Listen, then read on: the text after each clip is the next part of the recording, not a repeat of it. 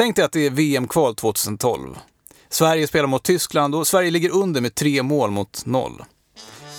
På förhand så betalade en Sverigevinst 6,5 gånger pengarna hos spelbolagen och det kanske inte är så troligt heller att Sverige kommer vinna den här matchen. Till Özil som missar, fått skjuta där i mål. 4-0 till Tyskland i den 56 minuten. Men vi är ju optimister här på kapitalet och vi hade på förhand satsat 1000 kronor på oavgjort. Oddset då var 4,4 gånger pengarna och om det här går vägen då så tjänar vi 3400 kronor. Så eh, försvarsspelet går väl att träna upp lite bättre inför eh, vårens matcher får hoppas. Så tänk nu om man kan betrakta den här spelkupongen som typ en sedel där värdet beror på hur matchen slutar. Blir det oavgjort så kan man ju faktiskt tycka att den där kupongen är värd 3400 kronor för jag kan ju lämna in den till spelbolaget och få 3400 kronor i vinst. Men så tänker vi oss att den här matchen inte riktigt är över och att Sverige nu ligger under med fyra mål mot tre. Det är tio minuter kvar att spela, men Sverige har ju arbetat sig in i matchen och pressar tyskarna. Hur mycket är den här kupongen värd då? Alltså händer ingenting så är kupongen värdelös för då vinner Tyskland. Men det kan ju faktiskt bli ett svenskt mål till nu i slutminuterna så värdet på kupongen är kanske 100 kronor. Rasmus Elm gör fullständigt osannolikt! Välkomna ska ni vara till Kapitalet. Jag heter Gunnar Harjus. Och jag heter Jakob Bursell. Och bara för att förtydliga så handlar veckans avsnitt inte alls om fotboll eller betting. Nej, det ska faktiskt handla om hur svenska staten har gett bankerna fri lejd att ta pengar från bolånetagarna. Okej, det här är en åsikt som kommer framföras i programmet, inte fakta. Men på vägen dit så kan vi se en del likheter faktiskt mellan den här fotbollsmatchen och finansmarknaden. Ja, man kan ju ha många åsikter om finansmarknaden, men faktum är att den ofta är ganska rättvis. Går en aktie upp, alltså motsvarigheten till att Sverige gör mål, så tjänar du pengar. Om aktien går ner, alltså om Tyskland gör mål, så förlorar du pengar. Och samma enkla princip genomsyrar i princip hela marknaden. Den gäller för obligationer och för finansiella derivat som optioner och terminer. Och precis så här fungerar också marknaden för, håll i er nu, ränteswappar. Enkelt sagt så är det egentligen att man byter fast ränta mot rörlig ränta. Så man ingår ett kontrakt där ena parten har ett flöde i, med fast ränta och den andra parten har ett flöde med, med rörlig ränta. Och så byter man den, eh, så kallat man swappar den. Jag heter Niklas Edman och jobbar som ränteförvaltare på Carnegie Fonder. Exakt vad Niklas pratar om just nu kan ni strunta i för tillfället, för vi kommer dit lite senare. Men lustigt nog är den här swapmarknaden som ingen har hört talas om en av världens största marknader. Och ni kan tänka er då att Niklas alltså kan köpa och sälja sådana här swappar för att betta på om räntorna kommer stiga eller falla i framtiden. Och även på den här marknaden så är reglerna alltså ganska enkla. Om Niklas byter bort en rörlig ränta mot en fast ränta och räntorna stiger så förlorar han pengar. Han går ju miste om de stigande räntorna som han hade fått om han inte hade gjort bytet. Men om räntorna istället faller så är Niklas Edman, hur det än går, en vinnare. För han har ju bundit räntan.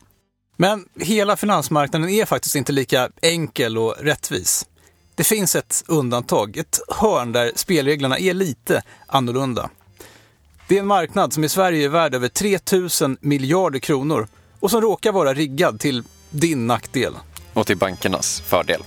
Du lyssnar på Kapitalet. Vad hade du för snittavkastning på den här nu igen? Eh, här är det mm, där, tre- Nej, det är för lite. 332. Vi har Det, mer. det är kortare löptid dock. Jo, men vill jag ha mer pengar? För. Ja, så här lät det när kapitalet gjorde lite investeringar på Lendifys andrahandsmarknad. Här kan man alltså sälja lån som man har investerat i tidigare eller då som vi vill göra köpa av andra. Ja, på hemsidan kan man hitta en lång lista med portföljer som är till salu. Man kan se de utestående beloppen, eh, den aktuella räntan och sen priset som säljaren då begär. Exakt, och efter en stund så hittar vi en portfölj som vi gillar. Lite knappt 4,5% i avkastning per år och en löptid på 50 månader. Och låntagare som verkar betala i tid i alla fall. Och priset, lite dyrt kanske, men köper man kvalitet så svider det bara en gång som man säger. Ja, eh, med det här så har ju Lendify tagit bort ett rätt stort eh, osäkerhetsmoment. Man behöver inte låsa in sina pengar i massor av år utan kan ta ut dem tidigare om det behövs genom att sälja sin eh, portfölj. Du som lyssnar på Kapitalet får 500 kronor i startbidrag om du öppnar konto och investerar 10 000 kronor. Så gå in på lendify.se kapitalet och eh, kolla lite. Men kom ihåg att alla investeringar är förenade med risk. Fastighetsmäklare var, det var roligt. Eh, jag höll på med det under väldigt lång tid. Det var roligt att driva egen verksamhet. Det här är Rickard Engström. Däremot så har jag alltid känt den här uh, att, liksom, viljan att lära mig, viljan att förkovra sig, intellektuella stimulansen. Och den får man här på KTH. Det är, man lär sig saker hela tiden.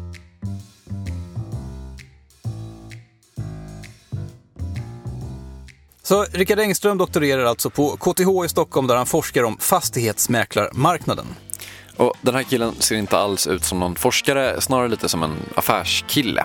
Han har uppknäppt skjorta och lite bakåtkammat hår, men så är han ju också mäklare i grunden. Han drev i många år en egen firma i Täby och det var där som han i början av 1990-talet stötte på ett ord som han aldrig tidigare hade hört. Ränteskillnadsersättning. Jag hade mitt eh, första tillträde då. Tillträde det är när man, när man är mäklare, man följer med så lämnar man över nycklar och sådär. Och så betalar man bostaden. Så.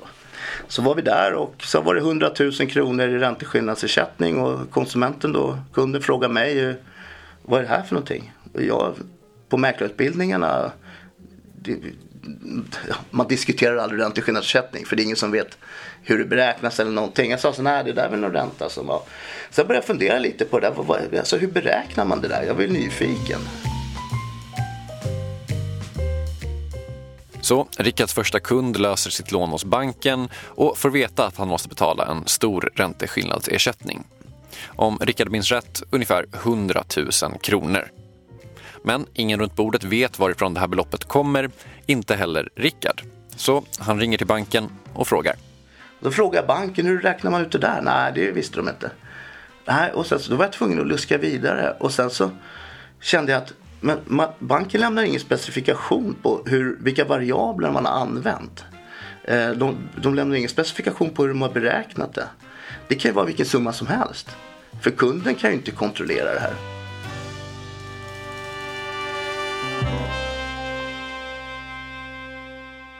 Det här med ränteskillnadsersättning har nog förbryllat en del människor genom åren. Eh, jag har själv frågat banken hur den beräknas och fått svaret att ja, men det finns en komplicerad formel och så vidare. Men Rickard Engström, han nöjer sig inte med det här utan han bestämmer sig för att ta reda på vad ränteskillnadsersättning egentligen är för någonting. Och när han tids nog satt på svaret, ja då inleder han ett korståg mot hela det svenska banketablissemanget. Och för att förstå varför han gjorde det så måste vi förstå hur bolån fungerar. Och det kommer kräva ungefär tre minuter av ert tålamod. Så vi säger att det är 2014 och du lånar 2 miljoner kronor till en lägenhet. Den rörliga räntan var då runt 2,7 procent men du kunde också binda lånet i fem år med en ränta på 3,5 procent. Och det här är ju liksom bolånetagarnas eviga dilemma. Ingen vet hur framtiden ser ut, men eftersom räntan redan då var historiskt låg så tycker man då att 3,50 i fem år, ja det kanske är en ganska trygg och bra affär. Så du binder lånet. Så det som händer nu är i princip att du slår vad med banken. Du bettar på att räntorna kommer att stiga över 3,5 procent. Och banken, de bettar i sin tur på att den kommer ligga kvar eller sjunka. Ungefär som att spela på fotboll kan man säga. Men det här innebär också att banken, om den nu är seriös, måste hantera sina risker. Så det banken gör nu är att själv låna 2 miljoner kronor av någon annan. Det här gör bankerna typiskt sett genom att ge ut obligationer med låntagarnas bostäder som panter. Och själva vitsen med att vara en bank är nog att det här lånet som banken tar är mycket billigare än det du kommer få tids nog. Det är ju så banker tjänar sina pengar. Men för banken så utgör det här också en liten utmaning. Ska man låna ut pengar till någon i fem år så vill man ju kanske inte själv låna in dem typ ett år. Då måste man ju låna pengar varje år och det medför ju faktiskt en liten risk. Så en bra bank vill ha ungefär samma löptid på lånen som de själva tar som på lånen som de ger till kunderna. Lånar de ut på fem år så vill de gärna också låna på fem år. Så man kan så säga att även banken försöker binda sin ränta och så här långt så är det alltså helt lugnt. Men sen fyra år senare så händer det oväntade, du skiljer dig och du behöver flytta. supertråkigt. Så du gör som svenskar brukar göra. Du tar ett brygglån och köper en ny lägenhet och säljer din gamla. Och när du sitter där med banken och löser gamla lån och tecknar nya, då vill de helt plötsligt ha 69 966 kronor i ränteskillnadsersättning. Och det här är då pudelns kärna kan man säga. Det här beror på att banken för fyra år sedan själv lånade pengar på fem år för att kunna låna ut till dig på fem år. Banken kan ju förstås låna ut pengarna till någon annan nu, men räntorna är ju lägre så banken kan inte göra en lika bra affär den här gången. Man kan tänka på den här fotbollsmatchen igen. Tyskland leder med ett mål och spelbolaget är på god väg att vinna vadet om vår tusenlapp. Men då kommer vi och vill ha tillbaka vår insats. Och visst, säger spelbolaget, men oddsen har ju förändrats. Tyskland kommer nog vinna det här. Så du får bara tillbaka en, ja, säg en hundralapp. Och det är här som vi kommer till Rickard Engströms käpphäst. För vad händer nu om räntan inte alls går ner utan upp? Vad händer om Sverige med bara två minuter kvar gör mål och det står fyra lika? Nu är det ju vi som håller på att vinna vadet med spelbolaget. Så vi kanske bara kan göra slut på den här spänningen och säga okej, okay, vi bryter här. Ni kan väl ge mig 3000 kronor så sparar ni eh, 400 spänn. Och grejen är att så här funkar faktiskt de flesta spelbolagen.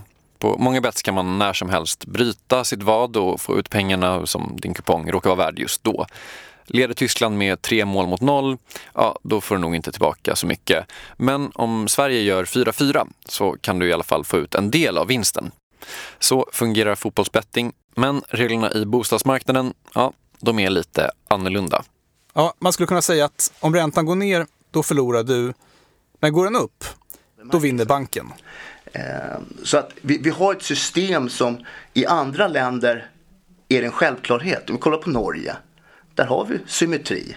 Det vill säga om det är så att kunden lämnar tillbaka ett lån som banken kan låna ut och tjäna pengar på, ja då kompenserar man kunden för det.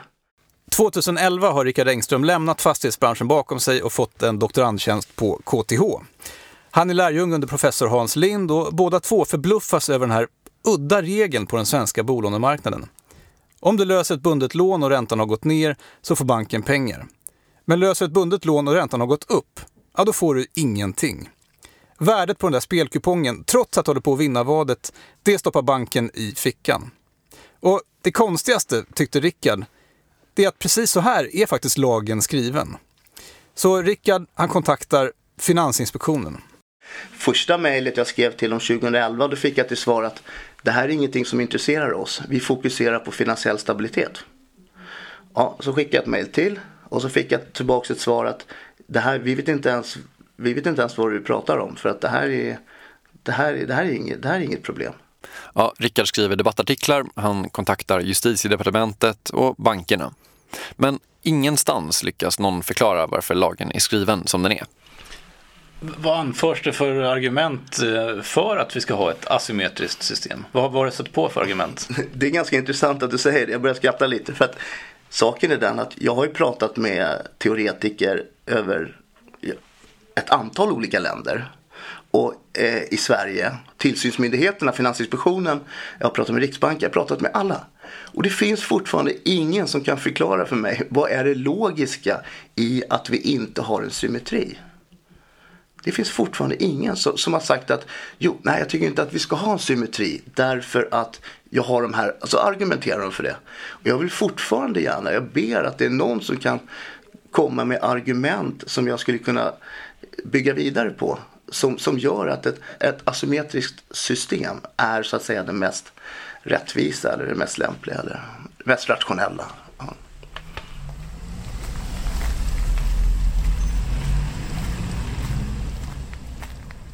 Men så händer någonting våren 2012. Regeringen ger juristen Bertil Bengtsson i uppdrag att se över konsumentkreditlagen och utreda reglerna om förtidsbetalning av bostadslån. Och ett år senare så presenterar regeringen ett nytt lagförslag. Men allt man ändrade på var formeln som används när ränteskillnadsersättningen beräknas. En delseger förvisso, menar Rickard Engström, men den här asymmetrin, den blev kvar. Så Rickard Engström, han ställer sig frågan, varför då?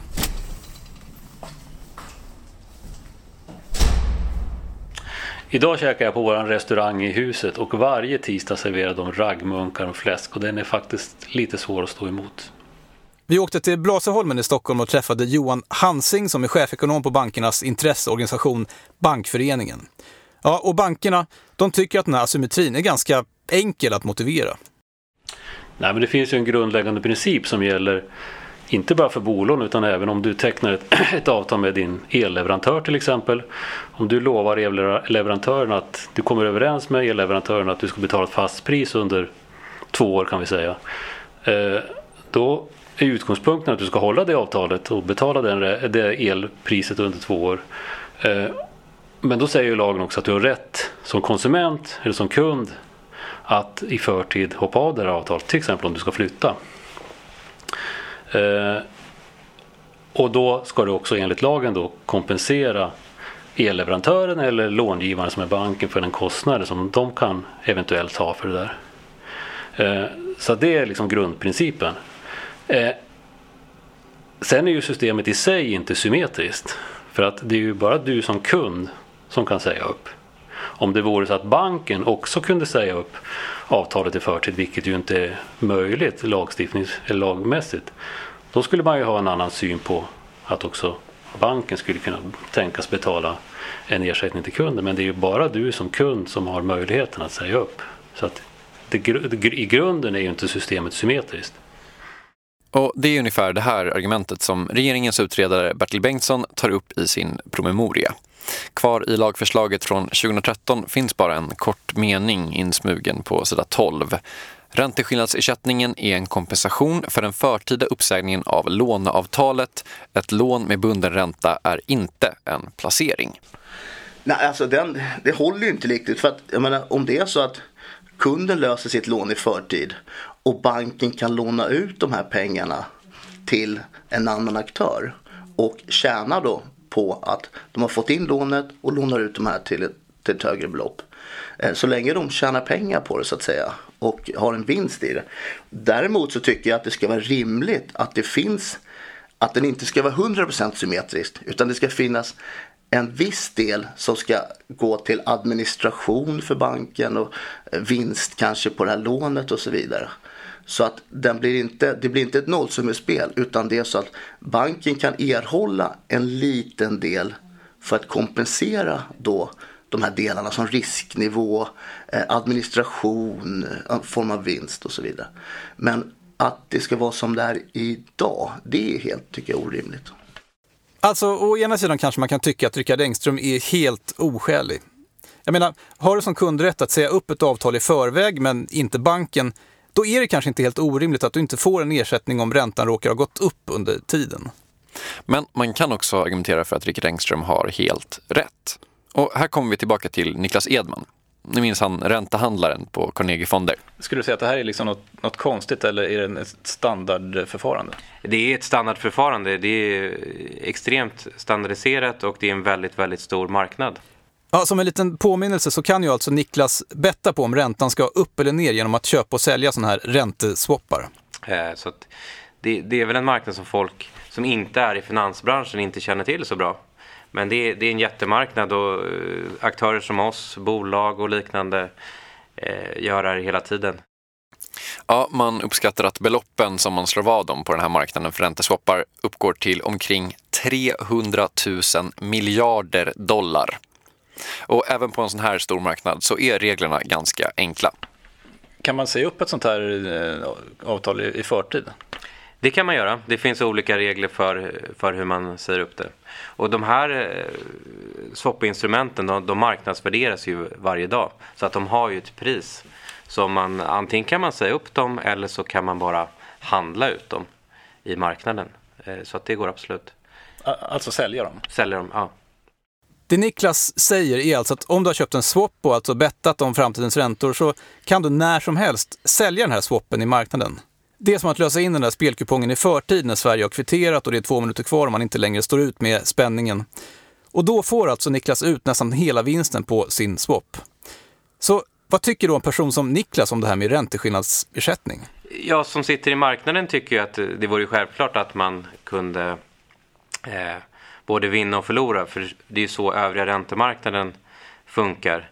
Men å andra sidan det är kommersiella avtal med, med, med respektive bank. Så att eh, har man ingått ett avtal där man inte har möjlighet till det så är det svårt att säga att man i efterhand ska, ska ha möjlighet till det.